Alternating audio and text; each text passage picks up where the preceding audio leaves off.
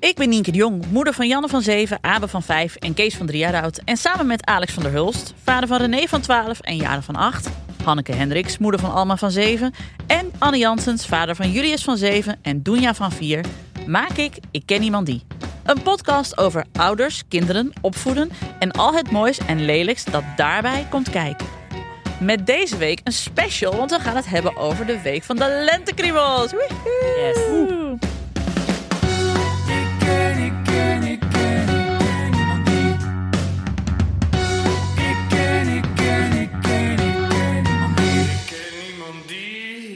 En aangeschoven is Elsbeth en jij werkt bij Rutgers. En alle vragen die wij het komende uur zullen hebben over, nou, hoe praat je met kinderen over seks en relaties, die, die kun jij als het goed is beantwoorden. Dat klopt. Ja, We gaan het hebben over eerste hulp bij ouderongemak. mooi. Als er No- iets nodig. past bij deze podcast, toch? Ja, als Is dat is- toch wel ouderongemak? De kurk waar wij al zeven jaar op drijven is totaal ouderongemak Dat inderdaad. hadden we kunnen heten. Ja. Ja. Eerste hulp bij ouderongemak. Mhm. Ja, dat is een goede titel. Dat was een betere titel geweest dan ik en iemand die. zeker. Kunnen we het nog omdopen of niet? Ja. Beginnen we even met te vertellen dat we wat later opnemen dan gepland, omdat we aan het wachten waren tot iemand uit de studio Ja. zou komen. Ontzettend. En die met een, met, een, met een neus ook omhoog kwam ze uit de studio. Zo, het is altijd wachten. En dat was Nienke de Jong zelf. Ja, keer die- ja, want die is nu, die ma- neemt vandaag, dit is de dinsdag. En dit is mijn vierde podcast die ik nu opneem. Dus eh, Je ja, ziet er nog heel erg goed uit. ik heb heel veel koffie op. ja, oké. Ik besta nu niet meer voor 98% uit water, maar 98% uit Miele Espresso. Dat is wat ik ben. Maar, ik Als we dit opnemen, is het nog niet de week van de lentekriebels. Nee. Dat is volgende week, Ja, 4 tot 8 maart. 4 maart. Ja.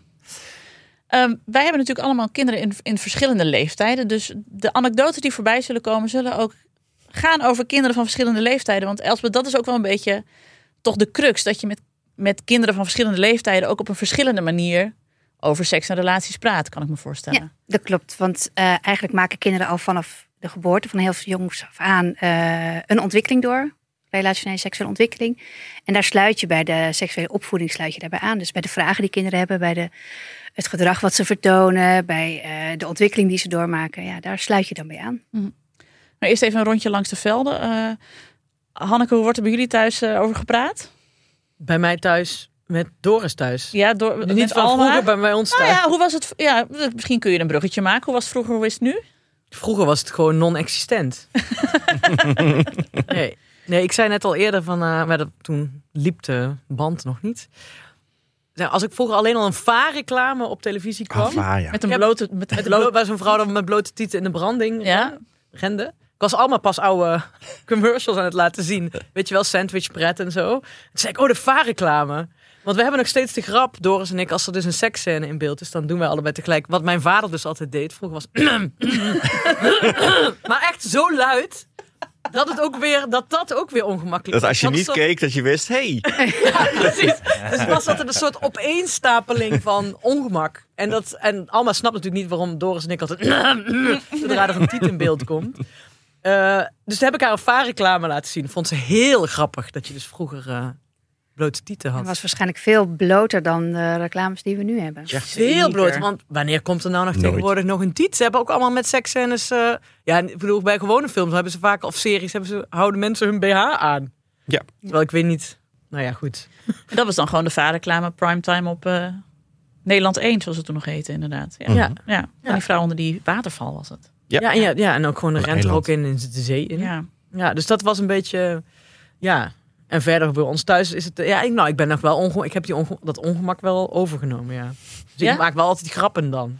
Oh jee, Maar, heb, wat gebeurt daar? maar, maar, maar toen jij zeg maar seksueel actief werd, had je daarvoor dan een gesprek gehad met je ouders? Nee, nee, nee, nee. Ondenkbaar. Ondenkbaar. wat is het voor vraag? Ik denk ook dat niemand van onze generatie zou zeggen van... ik heb vroeger zoveel seksuele voorlichting gehad, maar te gek van. Ik weet alles. Ik had wel een jongen in de klas, die had dan eh, met zijn, die, wa- die werd als enig bij ons in het dorp, werd hij werd hij heel erg antroposofisch opgevoed. En die hadden ook elke week, dat was horror trouwens, voor hem ook hoor, hadden die familie eh, vergaderingen op zondag met het hele gezin. En die hadden wel dat soort gesprekken. Dat vonden wij natuurlijk. Ja, nee, oh nee, daar kun je niks achteraf gezien. Dat was verschrikkelijk, zei hij. Oh ja. Maar dan heb je het dus ook niet van thuis uit meegekregen. Dus je hebt het ook niet geleerd om daar dan Nee, over nee. te praten. Nee, daarom is dit zo goed, denk ik. Mhm. Want anders dan. ja, giechel ik het ook maar weer weg. Ja. En dan eh, geef je het gewoon door. Terwijl ja, Ik kan me niet voorstellen dat Sibyl tegen jou heeft gezegd... eh Nienke, kom eens even zitten. Nee, nee, ik heb ook echt de, de eeuwenoude truc uitgehaald. Dat, eh, ik dacht op een gegeven moment, ik had, wij hadden nooit, ik heb nooit seksuele voorlichting gehad. Ik heb mijn ouders ook nooit zien zoenen of zo. En als ze gingen douchen, ging de deur op slot. Dus ook met bloot en zo waren wij helemaal niet zo bekend of zo. Of dat was helemaal niet zo vertrouwd. Ehm, ik weet nog dat ik op een gegeven moment dacht van, straks kom ik iemand tegen. En die vind ik dan leuk en dan wil ik daarmee naar bed. Maar dan wil ik dus eigenlijk daarvoor al aan de pil zijn. Want zo gehaaid was ik wel. Want ik las ondertussen, maar dan hebben het al, was ik al 14 of 15 of zo. Hè? Ik las dan de, de Vrije en Jij bijlagen van de Fancy bij mijn nicht thuis.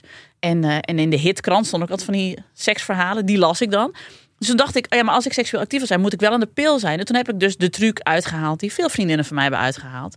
Om alvast dan te zeggen van, ja, kan ik alvast aan de pil? Want dat schijnt heel erg te helpen. En bij mijn acne, tegen acne en eh, tegen hormonale schommelingen. Misschien heb ik dan minder last van mijn menstruatie. Dat ik nu alvast aan de pil ga. En ik weet dat mijn moeder natuurlijk vrij zei, ja, is prima, is goed, prima, doe maar. dus toen was ik al aan de pil. Dus toen ik op mijn zestiende een vriendje kreeg, eh, hoefde ik dat gesprek in ieder geval niet meer te voeren. Maar nee, maar je denkt, ik bedoel, Sibyl de Jong was dan nog maatschappelijk werken. Die had misschien nog iets kunnen noemen. Maar mijn vader is helemaal iemand. Het is een soort van swings. Die doet gewoon alsof hij ons alle vier. Ja, uit, ook, uit, "Rrr", uit, de- het, ja, maar echt. je zat net misschien nog net een, een trap onder het gekucht bij de vaarreclame, zeg maar. Dus net, Nee, maar precies even erg. oké. Ja, ja, daarom. En ben jij al, Alex? Ja, Daar dacht ik net aan. Mijn, mijn vader heeft me op een boekje geweest dat in de boekenkast stond. Waardoor ik, het boekje was zo oud, waardoor ik eh, eh, eh, geslachtsrijpheid ben gaan associëren met heel veel haar. Vrouwen en mannen met heel veel haar in het kruis en in de oksels. Het woord, alleen dat woord geslachtsrijpheid is zegt wel iets over. Dat ik dacht, als dat eenmaal gebeurt, heb je waarschijnlijk ook heel veel haar overal. Want dat stond op die plaatjes. En dat was je voorlichting. Ja, dat was het Ja. boekje. Ja. Weet je nog welk boekje het was? Nee, nee, totaal niet. Ik denk hetzelfde boek uit de reeks. Want toen ik. eh, eh, mijn, mijn moeder had een boek in de kast en dat heette Bevallen en Opstaan. Dat ging dus heel erg over kinderen baren, maar ook over, uit de jaren zeventig. Dus toen dacht ik ook altijd van. Je krijgt alleen zeg maar een kind als je overal haar hebt zitten. En dat je je kind vervolgens dan Zwaantje noemt of zo. Want dat was erg diezelfde serie, denk ik. En bij jou, maar er Anne? werd niet, eh, er werd niet eh, gekucht of weggezept. Terwijl mijn eh, vriendin, die had een vader, die, dat, eh, die liet haar alle de vreselijkste horror zien. Maar inderdaad, zodra er gekust werd, toen zepte hij die heel snel weg altijd. Oh, echt? Gek eigenlijk. Mhm. Bij mij, nee. ehm, nou, ik was vroeger dus heel erg bang voor aids. Ja, Ja. maar ik snap dit wel. Ja, want ik wel was een die jongen van de jaren Dat negentig. is mijn eh, idee bij seks in mijn jeugd. Van, Ja. oh shit, dan ga ik dus eh, dood. Ja, Dat was mijn idee. want ik word dan de Freddie Ja, Mercury we van zijn die Amsterdam. 80s, Ja. 90s kids zijn we natuurlijk. Ja, Ja, en jullie zijn ook nog jongens, hè? Ik bedoel, wij meisjes hadden niet die angst. Ja, René Klein Aids te natuurlijk. krijgen. Nee. René Klein, inderdaad, bij Paul de Leeuw daar. Ja. Eh, dus ik was echt als de dood voor seks.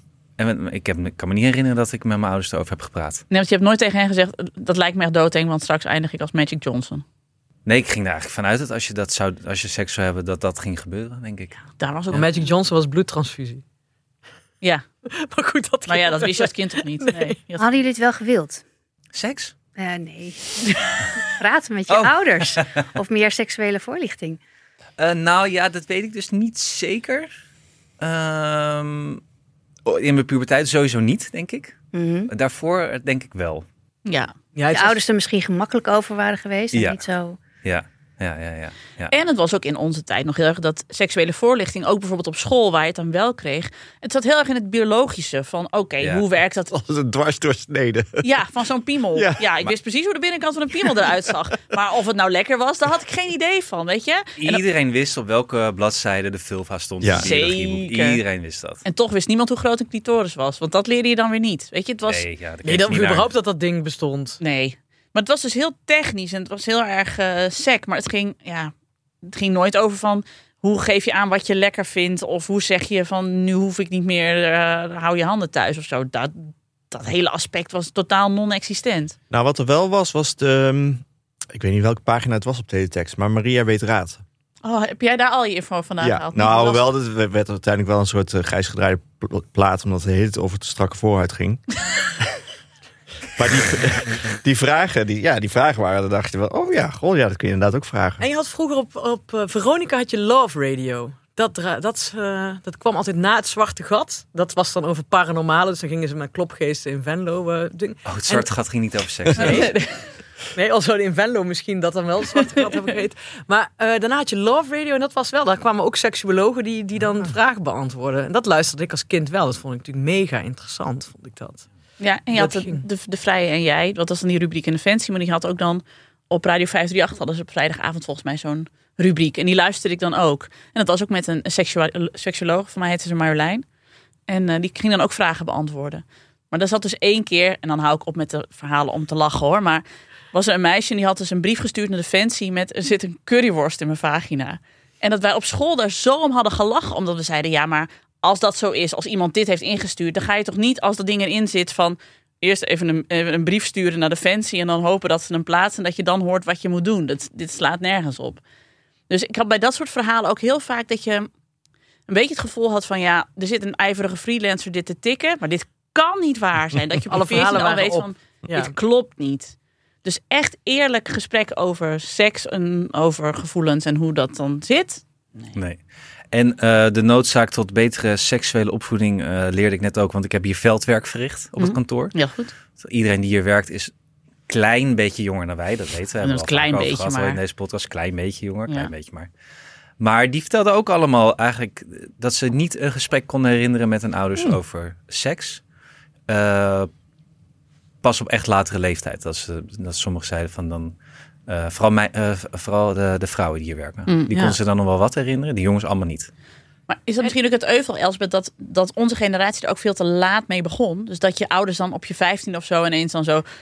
ik heb hier een condoom voor je, doe voorzichtig. Zoiets. Jullie ouders hebben waarschijnlijk ook nooit leren praten. Nee, of leren... Nee. Niet. Want hoe ging dat bij jou thuis? Was het hetzelfde? Heb je, had je ook eh, eh, eh, Eh, nee, ik- heel schrapende ouders? nee, ik- ze waren daar best wel open over. Ja, dus, En eh, ik heb dat wel eh, gewoon meegekregen. dus voor jou is dat veel normaler. Ja. Ja. Ja. Ik ben misschien ook niet voor niets dit werk gaan doen. Ja, ja, ja. Slim. Ja, maar we weten wel dat kinderen eh, eigenlijk de informatie het liefst van hun ouders willen ontvangen. Dus het is eigenlijk jammer dat, eh, dat we als volwassenen daar zo eh, soms zo krampachtig over doen. Zo hè, ongemak voelen. Dat is wel logisch. eh, ook omdat wij weten wat eigenlijk seksualiteit is. En ehm, kinderen die die gevoelens nog helemaal niet hebben. En we dat dus ook soms een beetje projecteren. Ehm, dus als je met kinderen praat over seksualiteit, dan hebben wij daar een andere beleving in dan kinderen. Ja. En dat moet je eigenlijk steeds voorhouden. Maar als je een vraag krijgt van een kind of je wil er iets over vertellen, dan voel je dat ongemak wel. Mhm. Nou, en dat is belangrijk om, ja, om te erkennen dat je denkt, oh ja, dat is zo. Maar daar hebben op zich, als je daar gewoon met kinderen over praat, hebben zij geen last van. Zij Nee. voelen wel het ongemak als je dat Mhm. zelf heel erg hebt.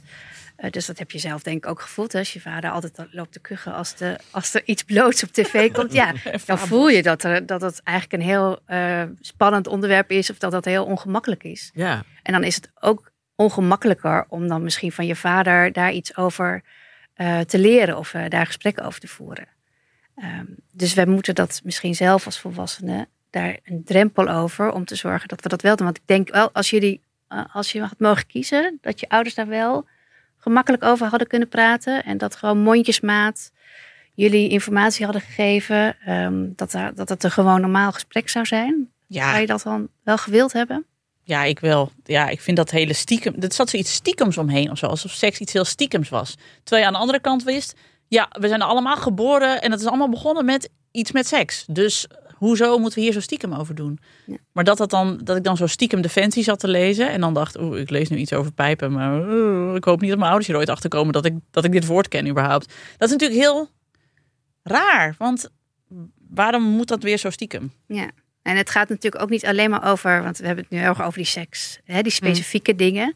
Uh, maar eigenlijk gaat de seksuele opvoeding ook heel erg over kinderen begeleiden. Dat ze, heel, als ze heel jong zijn, dan uh, zijn ze gewoon nieuwsgierig naar hoe een lijf eruit ziet. Ja. En hoe uh, daar verschillen en overeenkomsten tussen mensen is. Dus hoe jongens eruit zien, hoe meisjes eruit zien. En daar kan je al een gesprek over voeren. Of als ze heel klein zijn, kan je al vertellen hoe het geslachtsdeel heet. Dat zijn hele kleine dingen die eigenlijk allemaal bij die opvoeding horen. Ja, want dat is ook interessant. Want het, het, het, het- ik weet, ja, er is, de, de, er is niet echt een naam voor kinderen voor het vrouwelijke geslachtsdeel. Voor jongens zeg je toch snel piemel. Ja. En ik merkte bij het, eh, ja nu tegen, we zeggen gewoon vagina of Ja, vulva. ook. Het ligt een beetje aan waar, hoe, hoe het uitkomt. Maar toch op het, eh, toen allemaal eh, nog heel klein was op het kinderdagverblijf. ehm, weet je wel, dan is het nog zo'n baby en dan heb je uitslag. Of weet ik, of ja, ik niet, maar de baby. En dan zegt zo'n eh begeleidster ook, ja, in de, eh, Ja, daar beneden. gek eigenlijk, hè? Dat, hè? dat voor, voor jongens dat dat heel makkelijk gaat. Piemel. eh, piemel. Ja. En dat dat ook heel gewoon is. Dat jongens hem meerdere keren per dag in hun hand hebben. En precies weten hoe dat eruit ziet. En bij vrouwen en meisjes is het toch echt anders. Heet het je, ja, ding is daar beneden. Ja, Ja. je moet het gewoon vulva. Ja. Want, maar dat vind ik dan wel interessant. Als, dat, voor- als er in de taal al niks voorhanden Mhm. is, dan is het ook logisch dat het, eh, dat het ook moeilijk is om over te praten als het geen Ja. naam heeft. Ja. Mm. En als je daar, dat eigenlijk wil doorbreken, dan is het dus juist belangrijk om dus, ja, dat ongemak te overkomen. En dan toch eh, met kinderen daarover te gaan praten. En dan zul je ook zien, als je dat ook al vanaf een jonge leeftijd doet, dan is het ook makkelijker. eh, dan, hè, als, als je dat doet als ze pubers zijn, dan eh, Te laat. vinden ze dat zelf ook Ja. heel ongemakkelijk. Een jonge leeftijd, over welke leeftijdscategorie hebben we het? Want jullie hebben een site gemaakt, seksueleopvoeding.info. En Ja. daar staat ook in per, eh, beetje per leeftijdscategorie wat voor gesprekken en wat voor onderwerpen je met kinderen bezig kan zijn als het gaat om dit thema. Ja, toch? dat klopt. En dat, dat begint dus al eh, heel, op hele jonge leeftijd. Eigenlijk eh, kun je al zeggen, als ze, als ze heel jong zijn, dus net geboren in jaar nul, dan hebben ze heel veel behoefte aan knuffelen. Dat geeft ze al een heel zeker en, en zelfverzekerd gevoel. Als je dat dus veel doet met baby's, daar begin je eigenlijk al mee. Dus dat aanraken, het knuffelen. Ehm, maar wat ik net zei, het leren eh, benoemen van het geslachtsdeel. Eh, we zeggen meestal, dit is een neus, dit is je navel en dan zit je knie daarnaast. Mhm. En dan sla je het geslachtsdeel over. Ehm, dat gewoon al benoemen eh, kan al helpen. Ook voor jezelf, want dan leer je jezelf ook dat het niet een foefje of een tuutje of een plassertje heet. Mm. Het is ook belangrijk dat kinderen weten hoe, het, hoe, hoe je het noemt. Als er iets gebeurt met het kind of met het geslachtsdeel, dat ze het kunnen benoemen Ja. wat ermee gebeurd is. En niet dat ze zeggen, er is iets met mijn doosje. Ja, Ja. Wat dan? Ehm, Ze kunnen het nou ook heel goed roepen als je ehm, in het zwembad in het kleedhokje staat met je kinderen. Kunnen ze, mijn kinderen in ieder geval ook heel goed benoemen hoe het allemaal heet. En ook heel luid. als iedereen het allemaal kan horen. Zeker, zeker. Ik hoorde dit deze week nog. Nou, dat is mama's vagina. Nou, heb je dat goed geleerd? Waar is de vaag? ja, precies. Maar dat is dus al, zeg maar, het benoemen, dat is eigenlijk stap 1 dus. Ja, ja. Ja. En En- dit is een beetje 0 tot en met 4 jaar, geloof ik, toch? Dat deze stappen dan. Ja, en dan zijn ze dus ook heel nieuwsgierig naar het lichaam en het, Ja. de verschillen. Nou, dat kan, je, dat kan je dus ook benoemen. Ehm, dat er verschillen zijn, eh, maar dat er ook heel veel overeenkomsten zijn. Want jongens die verschillen onderling veel meer.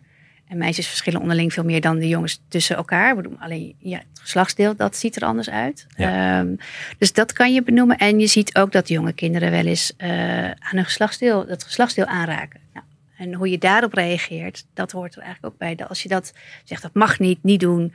ehm, ja, dan ben je daar eigenlijk negatief over. Dan denken kinderen ook, oeh, daar moet ik dus helemaal niet aankomen. Dat, eh, dat is verboden gebied. Mhm. Je kunt ook zeggen ehm, dat het prima is als je eraan zit, maar dat je dat niet doet als er anderen bij zijn, dat we daar regels over hebben, dat het privé is, eh, dat er ook nooit iemand anders aan mag zitten behalve jezelf. Dat is ook een belangrijke boodschap, eh, dat er nooit volwassenen zomaar aan mogen zitten.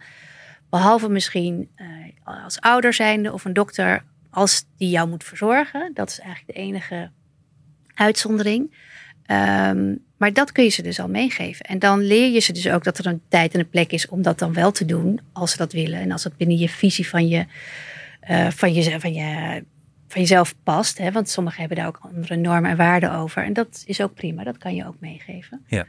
Eh, maar dat is eigenlijk een beetje tussen 0 en 4 eh, wat ze dan ongeveer gaan ontdekken. En wat je dus dan ook mee kunt geven. Ja. En Ik ze ben gaan niet misschien zeker of ik dit allemaal heb gedaan.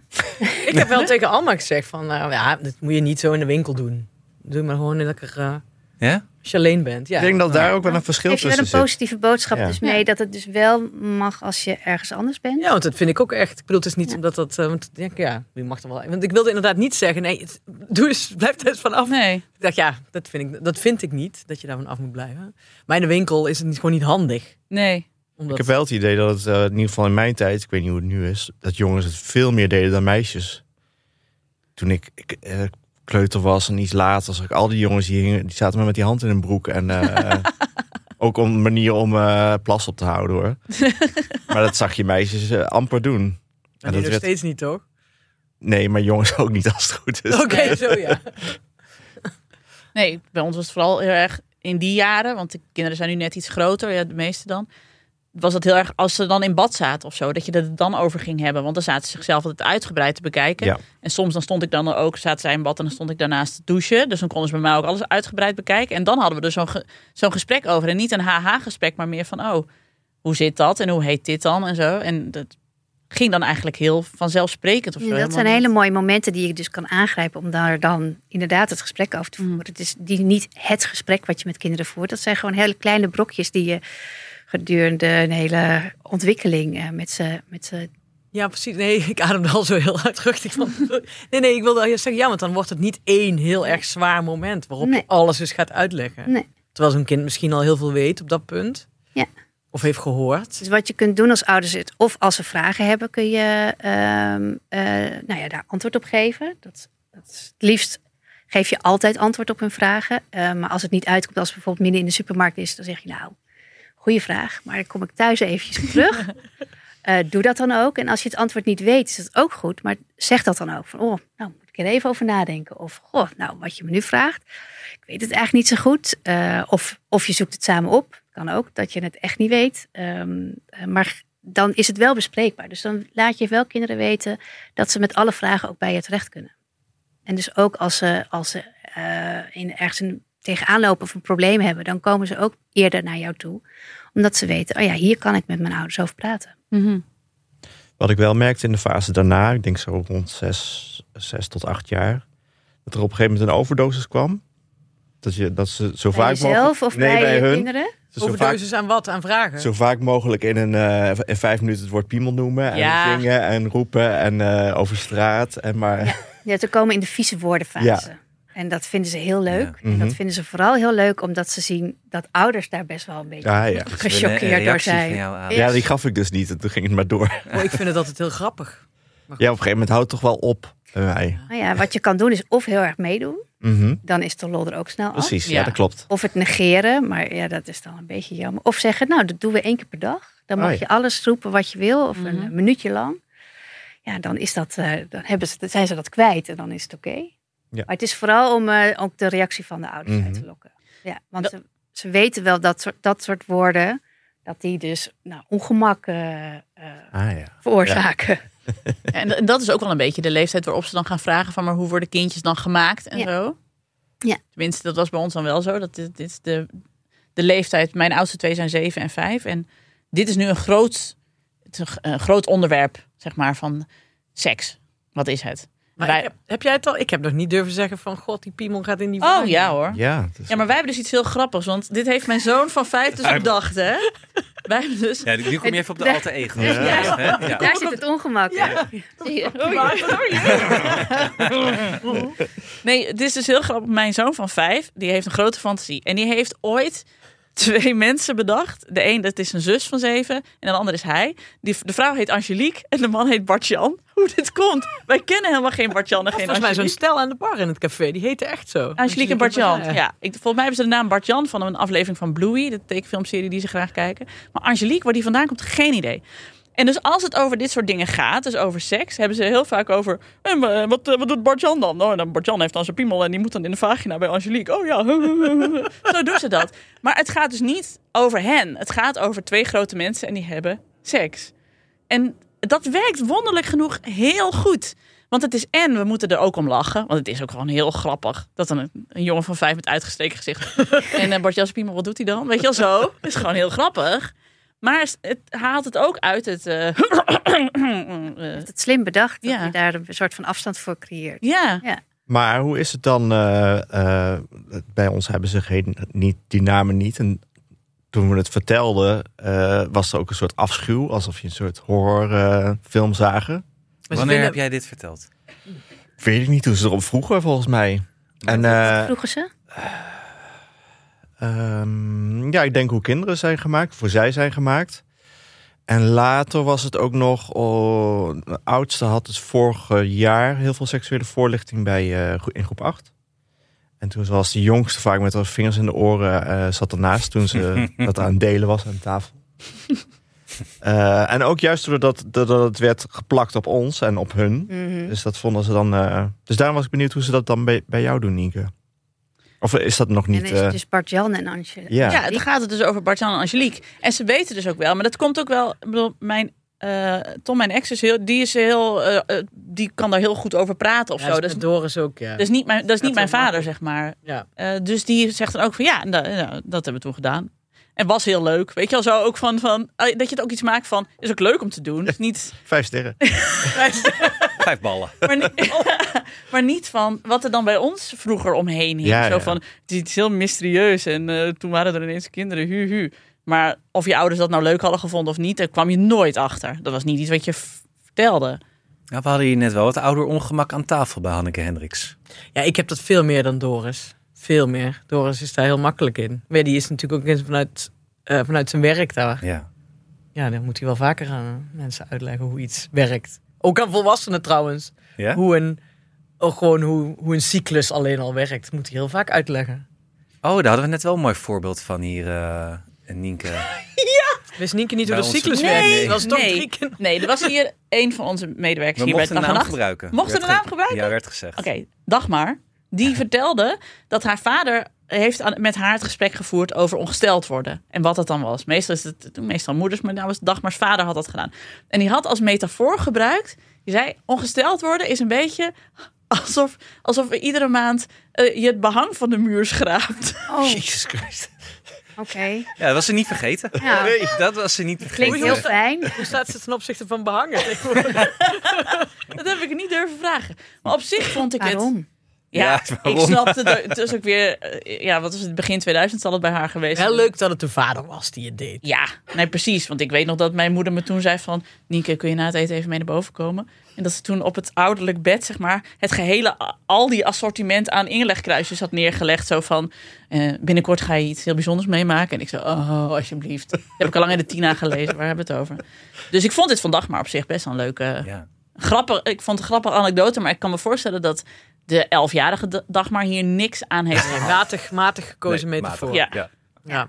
Nee, want eigenlijk wil je, eh, al voordat ze in de puberteit komen en al die ontwikkelingen doormaken, wil je daar al eh, verteld hebben wat ze gaan doormaken. Hmm. En als het over menstruatie gaat, wil je dat ook gewoon normaal benoemen. Ja. En eh, zeggen, ja, je kunt wel zeggen dat ze daar eh, mogelijk last van krijgen hè, met, bij een buik. En, eh, eh, maar dat het, ja, dat het iets is wat erbij hoort. eh, dat ze dat mogen zeggen als het eh, vervelend is.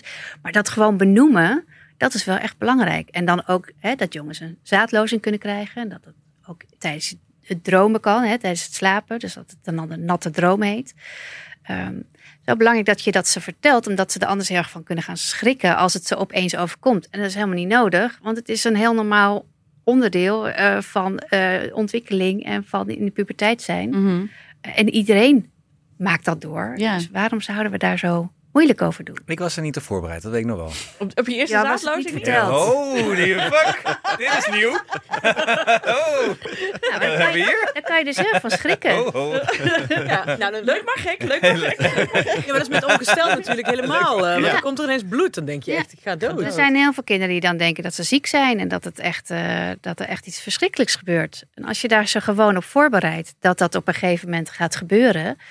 Eh, en inderdaad, dat je dan ook eh, voor meiden wat in huis haalt. En zegt, nou, hier ligt het. Als het dan gebeurt, nou, dan weet je in ieder geval hoe je dat moet doen. Eh, ook hoe je het dan, hoe je een maandverbandje dan in je onderbroek moet plakken, bijvoorbeeld. Nou, dat zijn allemaal dingen die je gewoon al met kinderen kunt bespreken. Zodat ze weten, oh ja, als me dit overkomt, nou kan ik dat dus ook tegen mijn ouders vertellen. Ik heb dit Ja. gesprek al met Janne gehad hoor. Die vroeg er zelf naar. Die zei van, ja, die vroeg toen, oh ja, het ging over tampons en waar, waar, waar zijn die dan voor? En ik dat uitleggen. Zei ze, heb je er nu een in? Ik zo, nee. En toen vroeg ze een paar dagen later, heb je nou? Ik zo, ja, ja. En toen kwam een vriendin van mij, die kwam even koffie drinken. En die vertelde toen een anekdote. En zei ze, ja, en ik was ook wat uh, chagrijnig, maar ik moest ook ongesteld worden. En Janne zo, ben je nu ongesteld? En, en Cecile zo, eh, ja. Zei ze, mama ook! En toen vroeg ze dus een, halve dag later, zei ze, mama, is het dan zo dat alle vrouwen tegelijk ongesteld zijn? Nou, een goede vraag. Zo, goed over nagedacht. Wel als je nee. huisgenoten bent. Ja, dan kan het. Ja. Maar is dat nou een fabeltje of niet? Die gedeelde cyclus. Dan moeten we even ook Dr. Hoyer of er, eh, van, van, de, van het misschien nu weer zo voor de... Nee, volgens Ja. mij is dat het verhaal, zeg maar. Dat op een gegeven moment overlapt het altijd wel een keer. Want iedereen is ongeveer soms bijna een week omgesteld. Dus als je dan met elkaar in huis woont, dan Ja. moet dat wel een keer overlappen. Ja. Nou goed, hier Dus- komen we nog op terug. Ja, daar ging Maar je niet we over. waren eigenlijk nog bij de ontwikkelingsfase. Ja. Sorry. Ja, ja. Geen probleem, geen enkel probleem. Ja. We zitten nu ergens tussen de zes en negen jaar. Ja, vier en zes. Waren we daar niet al voorbij? Nou, nou, heb je nog meer? had- ja, nou ja, als, Kom maar door, kom maar door. Nou ja, dan is het dus inderdaad dat ze willen weten waar die baby's vandaan komen. Dat kan je op je eigen manier heel goed vertellen. Ehm, als je vertelt hè, dat er een piemel in de vagina gaat, dan is dat op zich niet erg. Kinderen die, eh, die wat ik net al zei, die hebben niet die seksuele gevoelens zoals volwassenen dat hebben. Of jongeren dat hebben. Dat komt pas in de puberteit. Dus die ervaren dat geslachtsdeel ook nog niet als iets seksueels. Dus als je dat vertelt, ja, dan nemen ze dat gewoon aan. Ehm, maar ze ervaren wel ongemak bij ouders. Ehm, ik had dat zelf ook. Mijn dochter vroeg ook op een gegeven moment: hoe komt dan die baby in die buik? En toen dacht ik: oh, dat is hem. En ik doe dit werk al jaren en nog steeds denk ik: oh ja, oh ja. Oké, dit is dus de vraag. Mhm. Nou, en dat is heel logisch dat je daar dus eventjes ongemak bij ervaart. En dat je dan denkt: oké, maar dat ga ik dus wel vertellen. Dus ik heb dat gewoon, we zaten in de auto, gewoon verteld. En toen was ze daarna vooral nieuwsgierig hoe die zaadjes er dan uitzagen. Dus toen wilde ze thuis in een boekje kijken. Wat ook heel handig is om boekjes in huis te halen. Waar kinderen dan zelf ook doorheen kunnen Hele bladeren. harige mensen. Wat niet minder Maar dat is- systeem aan. Nee, tegenwoordig heb je daar best wel bij, bij de tijdse boekjes voor. Weet je nog het, het begin van Look Who's Talking, de film, die ik echt een miljoen keer heb gezien? Oh ja. Dan ik, zie je dus inderdaad zo'n zaadcel naar zo'n eicel gaan. En dat was echt mijn eerste herinnering. ik moet aan Woody Allen denken. Welke van Woody Allen? Ja, Heb je dat al op je negen? Als zaadcel? ja, die is verkleed als zaadcel ja, in een Oh, van die klopt. films. Ja. maar dat is alleen zo'n beeld dat ik niet meer uit mijn hoofd Waar krijg. is dat? Ja, dat weet ik niet. het is een heel op film. Ja. Ook al, ja. Ja. Ehm, en als je dan, nou ja, als ze zo vier, zes jaar zijn, dan gaan ze ook voor het eerst naar school, hè, vier jaar. Dan leren ze ook een beetje meer de regels. Ehm, eh, en wat je dan kinderen ook heel erg goed kunt meegeven, wat dus ook de regels zijn met, hè, als het gaat over aan je geslachtsdeel zitten bijvoorbeeld. Dat je dat niet doet als je in de klas bent of eh, als oma op bezoek komt. Ehm, maar ook als het gaat over doktertje spelen. Mhm. dat, ehm, dat zijn eigenlijk ja, de ontdekgedrag van kinderen, wat ze dan verpakken in een spelletje. Ehm, dat vinden ze spannend, vinden ze leuk. Dan kunnen ze ontdekken hoe, ze, hoe een ander eruit ziet bijvoorbeeld. Nou, daar kun je wel goed afspraken over maken. Dat je kinderen vertelt, eh, dat is goed als je dat doet. Maar alleen als je dat zelf wil. Je mag geen dingen doen die je niet zelf wil, die een ander niet wil. Dat moet je altijd checken. Eh, jouw lijf is van jou. Daar mag jij over beslissen. Er mag ook niks in gaatjes gestopt worden. Niet in een oor, mond, maar ook niet in geslachtsdelen. Ehm, en daar heb je natuurlijk ook zelf weer je eigen visie op. Dus je eigen norm en waarden leg je erop. Dus als je dat niet prettig vindt, dan kun je dat ook tegen een kind vertellen. Ehm, of als je het niet prettig vindt als ze het elders doen. Ehm, maar je kunt daar dus wel het gesprek over voeren. En mijn ervaring is het ook dat dat best wel een natuurlijk gesprek is, omdat ze op school al zo goed leren over. eh, bij ons was het dan al vanaf het begin van stop, hou op, ik vind het niet meer leuk. Ja. Dat als je dat het ook met stoeien is of elkaar achterna zitten of eh, napraten, weet ik veel. Dat dat stop, hou op, ik vind het niet meer leuk, er heel goed in zit. En dat dat, dat ook gewoon naar huis hebben gekopieerd van. Als je dat zegt, dan is het gewoon klaar. En dat ik ook al heb uitgelegd, maar dat is ook met je lijf zo. Als iemand daar aan zit, als je niet wil, stop, hou op, ik vind het niet meer leuk. Ja. Ja, en, het, en dit ontdekgedrag, dat moeten we dus niet zien als volwassenen dat dat seksueel gedrag is. Eh, eh, want dat heeft daar nog niks mee te maken. Ze zijn gewoon nieuwsgierig. Hm. En ze hebben een lijf en ze zijn nieuwsgierig hoe dat andere lijf eruit ziet. Eh, en dat is iets wat bij de ontwikkeling hoort. En wat je zelf als ouder daarin, daar kun je ook in sturen. Het is ook een beetje de laatste fase volgens mij waarin eh, jongens en meisjes nog sa- samen afspreken na school, merkte ik. Ja, want daarna gaan, ze, ze- ja, Ja. gaan ze iets meer uit elkaar. Precies, ja. Ehm, eh, ze merken dan ook dat meiden gaan dan iets meer meisjesgedrag eh, nabootsen en jongens meer eh, jongensgedrag. Eh, en ook daar kan je het gesprek over voeren. Want is roze altijd voor meisjes? En mogen jongens ook een jurk aan? Eh, moeten jong, is het voetballen alleen voor jongens? Ehm, om daar al eens gesprek over te voeren. Dat, hè, dat, het, dat je eigenlijk zelf mag kiezen wat je leuk vindt. Wat je aan wilt trekken. Dat hebben, daar hebben we, dat hebben we ooit zo bedacht. Vroeger was roze voor jongens juist. En blauw voor meisjes. Dus dat is iets wat ook in de maatschappij bedacht is. Ehm, en maar waar kinderen zich wel erg naar spiegelen. Ja. Maar je kunt ze ook zeggen dat ze, ze mogen ook geel aan. En ze mogen ook, eh, weet je, ze mogen zelf ehm, bepalen wat ze leuk vinden om te doen. ehm, dat ze daar dus niet in beperkt worden. Ja, dat is heel... eh, gelukkig, ja, we hebben ons in het, ons dorpsschooltje. We zijn gewoon zo'n klein Gelders dorpje. Er Heeft, ja, in Alma's klas zit ook een jongetje die gewoon af en toe, eh, af en toe zo'n rok aan. Dat zijn dan wel half van die carnavalsrokken, maar dan... eh, En dan, het grappige is dat hij dus zelf zegt, tegen, vertelde zijn moeder, van s ochtends zegt hij dan, ik vind het heel spannend, maar ik ga het toch doen, want ik vind het zelf heel mooi. Dus, dus hij is heel dapper, vind ik. Maar ik merkte ook, een keer kwam die dus, eh, haalde ik ze op voor karate. En toen, want daar zit hij ook op. En toen kwamen er drie andere jongens, grote jongens van die school, aan. Die kwamen hem toe en die zeiden, we vinden het heel stoer dat jij dat doet. Oh, wat goed. Terwijl ik woon wel een beetje gewoon in CDA-land, zeg maar. Ja, maar, je had gedacht dat ze zouden zeggen van, eh, trek je, trek je Ja, rok aan, eh, nee. eh, even, ja. Dus toen was hij heel trots en toen was ik ook zeggen, ik zeg, ik vond het jongens goed zo. Ja, wel, zo'n oude vrouw. eh, dat is vol. Dus eh, en toen dacht ik, ja, dat is ook belangrijk. Inderdaad, dat je dat als ouder eh, eh, goedkeurt. Maar dat een kind ook in deze tijd dapper genoeg is om het... Ja. Mhm. En dan doet representatie doet natuurlijk ook superveel, merk Ja. ik nu al. Want inderdaad, wij zijn opgegroeid in de, in de, in de jaren dat alle reclames waren roos voor meisjes, blauw voor jongens. eh. Alle mensen op, op tv waren of man of vrouw. En nu zit daar ook alweer heel veel scha- schakeringen in. En hadden het over make-up. En dan zei ik van, maar is dat dan voor meisjes? Ik zeg, nee, maar als jongens dat fijn leuk vinden, dan doen ze dat toch ook op. En dan laat ik foto's zien van jongens die ik ken die wel nagellak dragen. Of van, Make-up cup kijken wij. ja, precies. Queer Eye eh, wordt bij ons gekeken. Is ook, Ja. eh, Ah ja. Heel leuk. ja, En het leuk. Songfestival, want Alma was echt nog heel klein toen ze zei, nou mijn jongen kan toch geen jurk aan? Iemand met een baard kan toch geen jurk? Ik zei, wacht eens even, met zo'n Rise Like a Phoenix aangezet. Of zeg, Woest. Ja. Is dit een jurk of is dit een jurk? Nou ja. Op jouw terrein eh, daar. Ja. Maar jij hebt ook, je hebt ook een vriend die ook eh, in, soms in drag is. Zeker, Hans Querijn. Ja, precies. Nou, dan laat ik zijn Instagram pagina zien. Dus ik kijk van een knappe, wat een knappe man.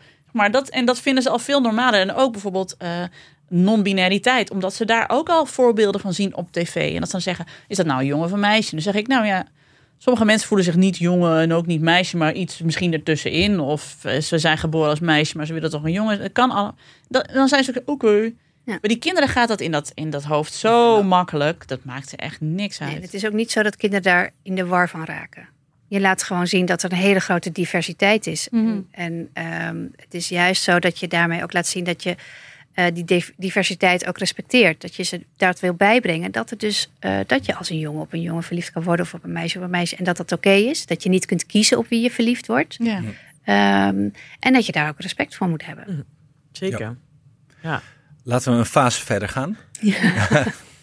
Ehm, ik sprak net wel hier iemand waarvan ik niet weet of ik de naam kan gebruiken, dus dat zal ik maar even niet doen. Maar die vertelde dat haar zoontje in de klas op een iPad eh, het woord neuk had ingetypt in Google. Eh, want dat is dan ja. Hoe ook- oud was ook, eh, acht. Dus ja. Dat zijn kinderen natuurlijk, die zijn inmiddels allemaal schermen gewend. En die weten hoe die telefoons werken. Die weten donders goed dat je dingen kan zoeken. En die krijgen soms ook gekke plaatjes te zien op die leeftijd.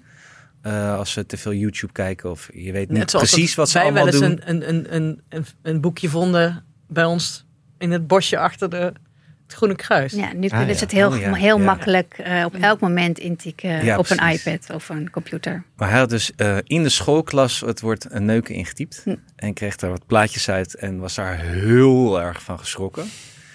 En eh, de lerares was boos geworden. Oh, Ja. Wat mij niet een goede reactie lijkt. nee. nee. Wat had daar moeten gebeuren? Nou ja, hij was kennelijk nieuwsgierig. Ja. Ehm, dus eigenlijk wat je dan moet doen is ehm, vragen van, joh, ben je benieuwd wat dat, dan, wat dat woord dan betekent en waarom wil je dat graag weten?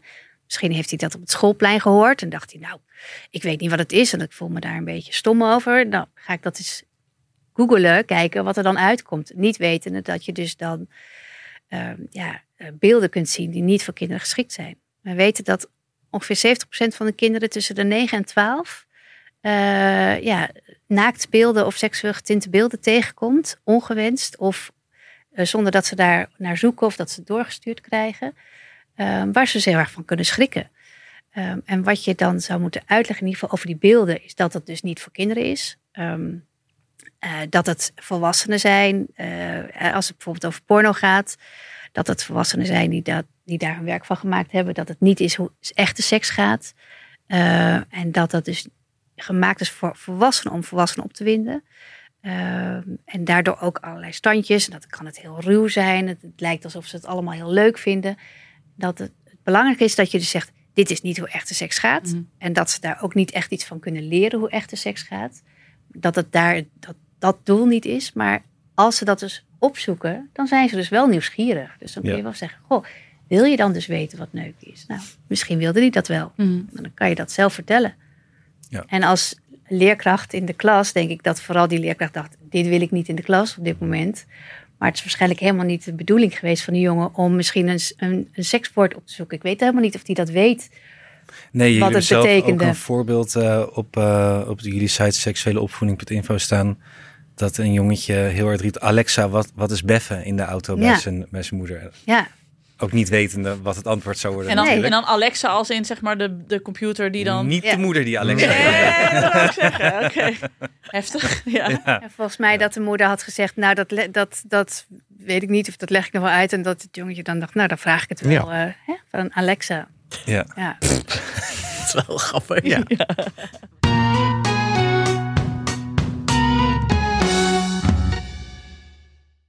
Toen wij klein waren, had je op SBS 6 s'avonds nog al die eh, eh, educatieve films. Sexcetra. Dat heb je ook niet meer. Nee. Maar ik, eh, ik weet nog een hele harige mensen in een skilift. Ik dacht, oh, wacht eens eventjes, wat gebeurt hier? Wat gebeurt? Die gaan niet, die gaan niet skiën. Die Dat gaan niet klopt, skiën. ja. Ja, Dat waren Duitse films, ja. ja, allemaal soft erotische Ja, eh, hele films. slechte films volgens mij. Nee, ja, slecht, slecht. Maar dat is, dat is dus wat je dan gaat gebruiken voor je voorlichting Ja, Ja. als kind. Ja, zeker. Dat Heel veel Duits, als eh, ouder associeer ik dus echt niet wil. En dat, Semi-komisch dat ook. boekje dat je dus vindt. Ja. Ja. Ja. Ik weet niet wat het boekje is. Ja, gewoon een seksboekje. Ja, gewoon ergens in een Playboy of zo die dan ergens... Nee, nee, nee, nee, dat was geen Nee? Playboy. Ik heb ooit bij een Bruna winkel gewerkt. Dit Oh. was echt eh Maar in de of de een Fans. Dat heet, Oh, ja. dat ook een pornoblad, de Fans. Oh ja. Maar waarom zo in een struik? Bij mij lag er helemaal naalden in de struiken. Ja. Ja, maar dit was wel eh Venlo, hè? Oké. Ja. Nee, maar dan, nee, dan inderdaad, dan denk je echt, wat is dit? En het, het, het, eh, wat was het KPN het thema het showkanaal of zo. Dan zag je al die hele kleine vakjes van alle zenders en wat je daar dan op kon dat je door de zien. pixels heen moest kijken. Dan zeg zat maar. je echt Ja. zo Ja. uren van. nou, ik weet niet wat ze aan het doen. Het, het zou ook judo kunnen zijn. Oh, we hebben nog, ik heb een hele korte anekdote hierover. Zal ik heel snel? Doe eens. We hebben ooit, moest ik een videoband moesten we hebben op de middelbare school. En bij een vriend van mij pakte we een videoband om te kijken wat erop stond. En toen bleek zijn vader dat mozaïekscherm te hebben opgenomen. Nee. Het waren arme, arme tijden. Ja, precies. Het was roeien met de riemen die. hè? Ja, het was een Maar je merkt dus dat je dat zelf dus als kind, ben je dat dus gaan opzoeken. Ja. Dat doen Ja, kinderen van deze tijd ook. Mm. Ja. Eh, als ze er geen informatie van hun ouders krijgen of het niet op school meekrijgen, dan gaan ze dat dus zelf opzoeken. Ja. En dat, Maar is het verschil dat ze er wel een stuk eerder mee in aanraking komen door de... ja, want eh, kinderen hebben bijna allemaal op een hele jonge leeftijd Ja, al een telefoon of Ja. zitten, zitten al als, als peuter achter een iPad en kunnen dan al swipen. eh, en je weet gewoon niet precies wat ze dan allemaal zien of waar Nee. ze naar door kunnen klikken. Ik vraag me af of het eerder is. Want de, de, de media tegenwoordig zijn ook wel zo gefilterd... dat ze daar heel weinig van zien, heb ik het idee. Ja, dat weet ik. We Terwijl- hebben nu, we- er was er maar een stichting waar we dat aan konden vragen, Alex. nou ja, wat ik net zei, dat 70% van de kinderen tussen 9 en 12, die komen dat dus al tegen. Ja, 9, 12, ja, ja oké. en dat ja. is best veel. Ja. 70% is echt veel. En Mhm. ik En denk dan dat, is het echt porno ook. dat zijn eh, naaktbeelden en seksueel getinte beelden, ja. Ja, ja. En dat, dat vinden, daar schrikken ze ook van. En wat je een kind kunt leren ook, is dat je in ieder geval vertelt eh, dat als ze nieuwsgierig zijn of ze willen iets weten of ze komen iets tegen, dat het dus niet voor kinderen geschikt is. Eh, dat ze dat weg kunnen klikken als ze ervan schrikken, maar dat ze het ook aan jou als ouder kunnen vertellen. Mhm. Ehm, dat ze daarvan geschrokken zijn eh, ehm, en wat ze dan gezien hebben. En dan is het fijn als je daar als ouder op ingaat. Want dan, of ze hebben daar dus een vraag over, ze willen daar iets over weten, ze hebben het zelf opgezocht, of ze hebben het toegestuurd gekregen. Nou, ook daar kan je het gesprek over aangaan. Wat, wat, wie heeft dat dan toegestuurd en, en waarom dan? Ehm, of ze zijn er toevallig tegengekomen. En ja, je waarschuwt kinderen ook dat ze bijvoorbeeld beelden met bloed tegen kunnen komen. Nou, je moet dus ook waarschuwen dat ze dingen met seks kunnen tegenkomen. Mhm. En als je daar goede boekjes eh, of zelf het verhaal over vertelt, dan heb je dat in ieder geval dat tegenover gezet. En dan zijn ze ook iets minder geneigd om dat allemaal te gaan opzoeken op internet. Ja, dat klopt. Dus je wil eigenlijk zorgen dat ze, dat ze ook veilig online kunnen zijn. Ehm, en daar moet je dus dan ook het gesprek met ze over aangaan. Ja, jullie zeggen ook dat dit een leeftijd is waarop je ook kinderen zelf eens een vraag kunt. Want ze komen met vragen naar jou toe over dit soort dingen. Ja. Maar je zegt ook, stel ze ook eens een vraag. Wat voor vragen kun je kinderen stellen? Ehm, Op die- nou, op die of ze er al wel eens wat van weten, of ze wel eens wat hebben opgezocht. Ehm, eh, soms is het eh, in, bijvoorbeeld in- de fases dat ze kunnen ze ook verliefd zijn. Dan is het soms iets te persoonlijk om te zeggen: ben je wel eens verliefd geweest? Maar je kunt ook vragen: zijn er wel eens kinderen in jouw klas? Weet je of de kinderen in jouw klas verliefd zijn? Of is er al, heeft al iemand verkering? Nou, op die manier kan je dus ook daar een gesprek over voeren. Van wat vind je daar dan van? En weet je wat verliefdheid is? Eh, eh, en dan gaan ze waarschijnlijk zelf wat vertellen. Ehm, als een kind niks vraagt, betekent het niet dat het kind er niet mee bezig is. Maar dan kan het ook zijn dat het kind denkt: Oh ja, bij mijn ouders kan ik hier niet mee Mm. terecht. Ehm, dus eh, aanleidingen zoeken, als er bijvoorbeeld iets is op tv, helpt om daar het gesprek over te voeren. Eh, als er toevallig een tampon ergens ligt, Mm. helpt dat om eh, daar een gesprek over te voeren. Ehm, dus momenten kiezen eh, om daarbij aan te haken, dat, eh, dat helpt. En wat Ja. ook helpt, dus als je het over wilt praten, dat je met iets bezig bent. Dus dat je niet zo tegenover Nee. elkaar zit. Ja, dat autorijden, dat, dat is is heel ongemakkelijk. Autorijden, de hond uitlaten, met elkaar op de, eh, op de fiets zitten. Vroeger zei ik afwassen, dat is tegenwoordig niet meer zo. Mm-mm. De vaatwassen inruimen. Ehm, dat is altijd wat. Dan gaat het wat makkelijker. ehm, ook voor jezelf, maar ook voor het kind. Dan hoef je elkaar niet zo aan te kijken. En dan kan je daar dus eh, beter met elkaar over praten. Ja, en dan krijgt het ook niet zo die seksuele voorlichting vibe die je vroeger dan op de middelbare school had. Dat dan zeg maar zo'n vrouw dan seksuele voorlichting kwam geven aan zo'n groep uitgelaten pubers. Met een bezemsteel en een condoom. Bij ons heette ze ook nog mevrouw Withaar. Die arme vrouw. Ja, wat was haar bijnaam? We hadden ook een bezemstil. Maar ik merk dat er ook een tweedeling is. Sommige, veel mensen hadden ook een banaan. Ja. Komkommer. Maar we hadden een bezemstil ook inderdaad. bezem, ja.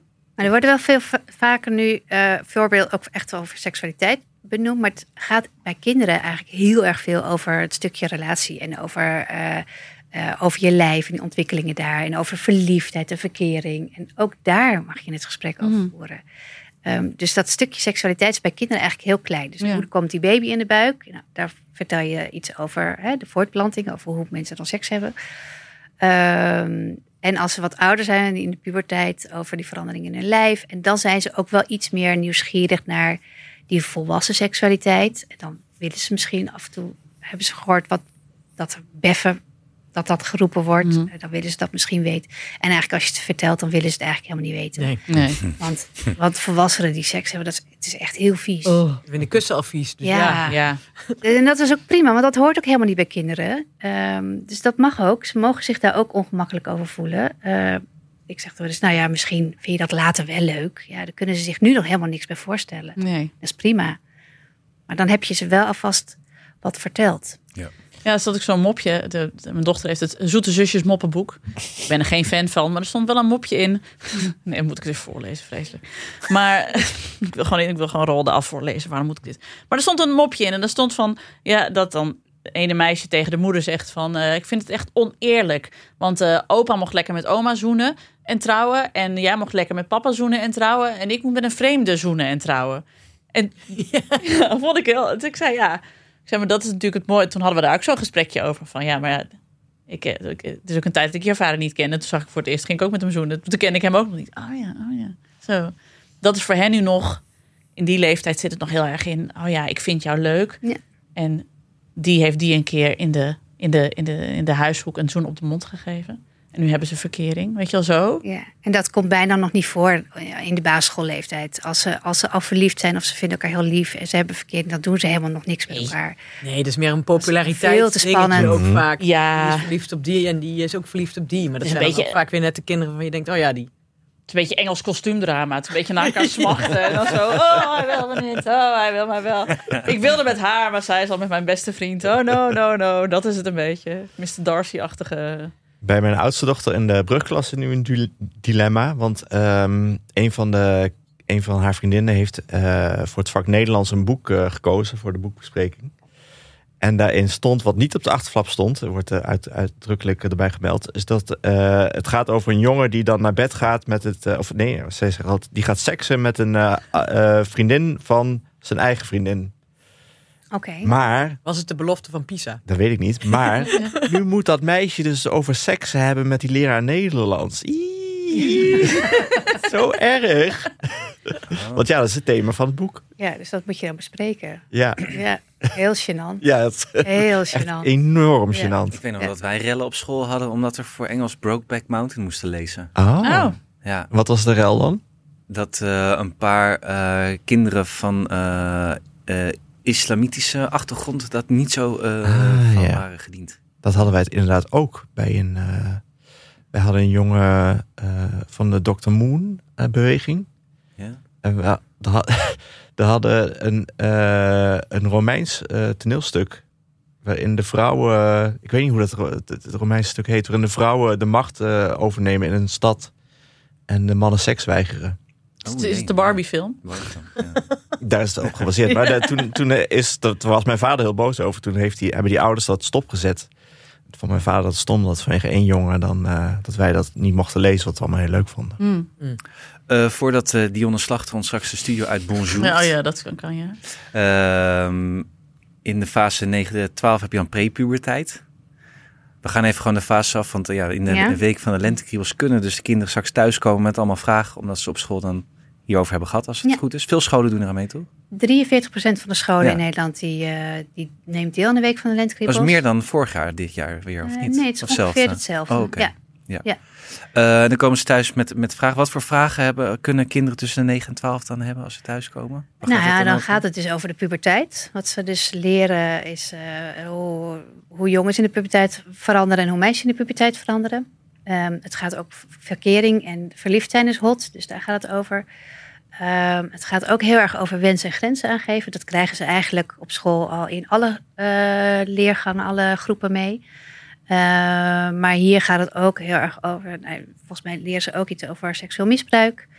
Ehm, het is heel belangrijk, hè? wat ik eerder al zei. Je moet een kind echt leren dat, dat ze zelf eh, de baas zijn over hun eigen lijf. Dat daar nooit iemand aan mag zitten.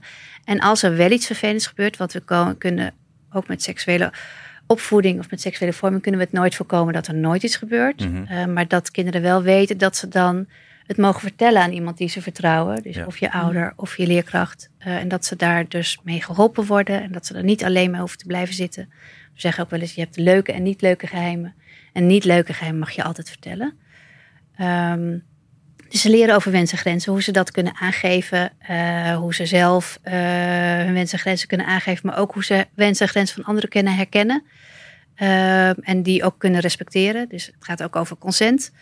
Ehm, ze leren ook hoe ze online eh, veilig moeten kunnen zijn. Dus wat ze wel, wat ze niet online moeten doen. Of hoe ze, dat, hoe ze zichzelf daarin moeten beschermen. Dus geen privé dingen online zetten. Maar ook bijvoorbeeld leren we ze kijken naar eh, wat ze allemaal eh, in de media zien. Eh, al die perfecte beelden die ze zien. Dat heeft ontzettend veel impact op hun zelfbeeld en hun lichaamsbeeld. En kunnen daar heel negatief zelfbeeld van krijgen. En daar moet je het ook met kinderen over hebben. Want wat je allemaal online ziet, eh, dat is heel vaak niet echt. Nee. Mensen zijn gefotoshopt. Ehm, eh, al, iedereen is vrolijk, iedereen heeft het altijd leuk. Ehm, ja, en dat kan kinderen heel erg beïnvloeden. Dus je moet ze daar echt wel over leren mee om, om te gaan. Ja. Ja. Wat een zegen dat daar aandacht voor is trouwens. Ja. Dat vind ik echt... eh, ja, vind ik ook. Anders hebben ze te doen met mijn ge- gniffel over dingen. Nee, maar meer ook dat je, dat weet ik van mijn eigen jeugd, dat je daar werd, werd je nul in begeleid. En je dacht altijd maar van, oh ja, dit is hoe een meisje moet zijn en dit is hoe een jongen moet zijn en dit is hoe je eruit moet zien. En eh, dat je op je vijftiende dan al met diëten bezig was, want dat was wat je in de, in de meidenbladen las Ja, en zo. Het sloeg nergens op. Nergens op, nee. Ik merkte dat ik het wel lastig vond om te vertellen of om uit te leggen van eh, zonder daarbij een heel eh, bangmakend verhaal te doen over ja, een soort van predators online. Te vertellen van ja, je moet geen mensen toevoegen die je niet kent, want er Mhm. zijn mensen op internet die andere dingen Ja, van je wilden. Ja, en toch is het wel belangrijk dat kinderen dat weten. Dat Ja. niet iedereen heel aardig is. Eh, en het gaat niet over een man in de bosjes. Nee, een enge precies. man. Maar wat je ze, als je ze leert dat ze zelf daar keuzes in kunnen maken. En dat je ze leert eh, hoe je online met mensen omgaat. Je gaat ook niet zomaar bij een, een vreemde eh, spelen. Mhm. Eh, of daarbinnen. Dat doe je dus ook niet. Je nodigt ze ook niet zomaar online uit. Ja. Ehm, en je moet ze wel vertellen dat niet, niet iedereen goede bedoelingen heeft. En dat iemand zich online ook anders kan voordoen. Dus misschien zegt dat hij een jongen van 12 is, maar misschien Mhm. eigenlijk een, een man van 35 is. Dat moeten ze toch weten. En dat als ze iets vervelends meemaken, of ze hebben iets gedaan waarvan ze denken, oeh, dat had ik niet moeten doen.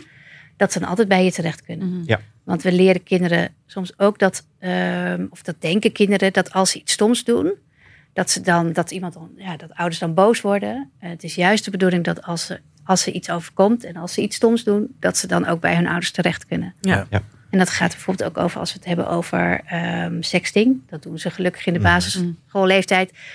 Bijna nog niet, maar ze komen daar wel eens mee in aanraking. Ze sturen wel eens blootstickers bijvoorbeeld, naaktstickers naar elkaar. Dat vinden ze dan grappig. Maar ook daarvan kan je al vertellen ehm, dat dat niet mag. Je mag nooit een naaktfoto van iemand doorsturen die je niet kent. En iemand op zo'n sticker, die kennen ze niet. En dan vinden ze dan niet, ja, dan denken ze dat dat misschien gemaakt is of dat vinden ze dan grappig. Maar je kan dan dus al uitleggen, als je iemand niet kent, dan mag je dat niet aan iemand doorsturen. Want je kan niet aan iemand vragen, mag ik dat van jou doorsturen? Mhm. Dus dat, dat mag niet. En je mag het ook niet zomaar aan iemand sturen als die ander daar geen toestemming voor gegeven heeft. Dus ehm, je moet altijd vragen, wil jij van mij zo'n blootsticker ontvangen? En Ja. als de ander zegt, ja, dat wil ik wel. En je weet van diegene die op die blootsticker staat dat dat mag. Dan mag je het doorsturen. Ja. Maar daarin leer je dus al dat, ze, dat het vooral gaat om de, het doorsturen. Dat dat dus niet mag. Ehm, want als, we, als ze dus wat ouder zijn en ze doen dat misschien wel een keertje. Dat ze eh aan sexting doen. Dan wil, en het gaat fout. Dan wil je niet dat kinderen die dat zelf gedaan hebben. Dat die daar de schuld van krijgen. Dat het degene die dus over die grenzen heen gaat. Die, dat, ehm, die daar de Mhm. schuldig van is. Ja. En dat geldt ook dat als kinderen iets doen online wat eigenlijk niet zo handig is, dat ze dan weten, joh, ik kan altijd bij mijn ouders terecht. Mhm. Ehm, en dan gaan ze me helpen en dan worden ze niet boos. Je wordt niet boos Nee, als ze een film precies. van zichzelf hebben Wat- gemaakt. Nee, ja. precies. Nee, Laten we, want Nienke roept net, eh, wat een zegen is dit alles. En, en Ja. dat, dat blijkt ook. Laten we even tot slot nog even kort over het effect van dit alles hebben. Want eh, nou, er was vorig jaar wat, eh, wat, wat backlash vanuit wat conservatief hoek op de week van de Lentekriebels. Waaruit het argument was, dit zet kinderen aan tot eerder eh, seksuele handelingen over te gaan. Ja. Maar het tegendeel is waar. Blijkt eigenlijk al heel lang. Dat dan ook niet eens conservatief, het was onwetend. eh, Mhm. Ja, er is ja, veel de conservatieve en misinformatie. eh, En onwetende, ja. hoek, zeg maar. De, de misinformatiehoek. Ja. Maar sinds, ik geloof eh, dit is allemaal sinds 2012 onderdeel van het curriculum in Nederland. ja, scholen, nou, scholen zijn verplicht om Ja. aandacht te besteden aan seksualiteit en seksuele diversiteit. Dat staat in de kerndoelen. ja. En hoe scholen dat zelf in willen vullen, dus welke lesmaterialen ze daarvoor gebruiken, daar zijn ze vrij in. Ja. Dus wij gaan ervan uit dat een school een lesmateriaal kiest wat bij de visie van de school past. En de ouders kiezen meestal eh, een school die bij hun eigen visie past. Ja. Ehm, er zijn verschillende erkende lesmaterialen die dus wetenschappelijk onderbouwd zijn, die scholen kunnen gebruiken. We weten dat 40% van de scholen dat doet. Ja. 60% gebruikt iets anders of maakt zelf materiaal. Dus we weten ook niet zo goed wat Nou ja, we weten wel dat het effect heeft, toch? we weten dat re- goede relationele seksuele vorming, Ja. structureel en ook seksuele opvoeding, eh, dat dat zorgt voor eh, dat kinderen meer zelfvertrouwen krijgen, dat ze beter voor zichzelf kunnen opkomen, dat ze een positiever zelfbeeld krijgen en lichaamsbeeld, eh, dat ze hun wensen en grenzen beter kunnen aangeven en die van anderen beter kunnen herkennen en ook respecteren. Dat ze ook meer respect hebben voor diversiteit. Mhm. Dus ook dat zodat elk kind zichzelf kan zijn. En we weten ook dat uit onderzoek dat eh, als je jongeren dit allemaal meegeeft, dat ze ook ehm, nou ja, relatief laat beginnen aan seks. Ja. Dat ze daar betere keuzes in Ja, maken. ze maken bewuster een keuze. Ja, ze hebben er al zelf over nagedacht. Ze hebben er al over gepraat. Eh, Ze weten wat ze, weten wat ze wel willen en wat ze niet willen. Dus ze maken daar bewustere keuzes in. Eh, beschermen zich ook beter eh, tegen SOA, tegen tienerzwangerschappen. Maar zijn ook beter beschermd tegen seksueel grensoverschrijdend gedrag en seksueel misbruik. Ik zeg hoezee.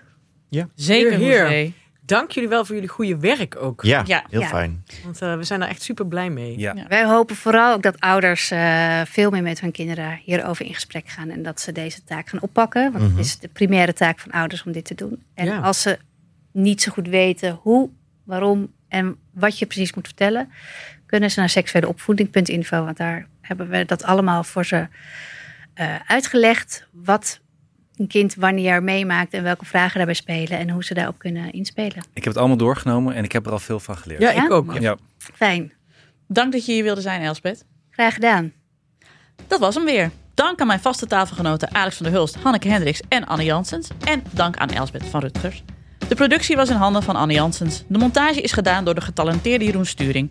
Mocht je ons iets willen vertellen, heb je een tip of een vraag of een opmerking? Kom dan naar onze Vriend van de Show pagina. Voor een klein bedrag kun je vriend van de show worden, waardoor je ons de gelegenheid geeft om nog meer mooie afleveringen te maken. Op X heten we @kennymandie en op Instagram ook, maar we doen nooit meer op iets, iets op X, dus ja, wat moeten we daar eigenlijk nog? En ons mailadres is ik@dagenacht.nl. Dank voor het luisteren en tot de volgende. Groetjes. Doei! Doei. Hallekie dallekie. Hallekie dallekie, dat zeg jij altijd. Ik druk me op stop. Ja, super bedankt. Ja. Oké, Fijn. Dat is goed.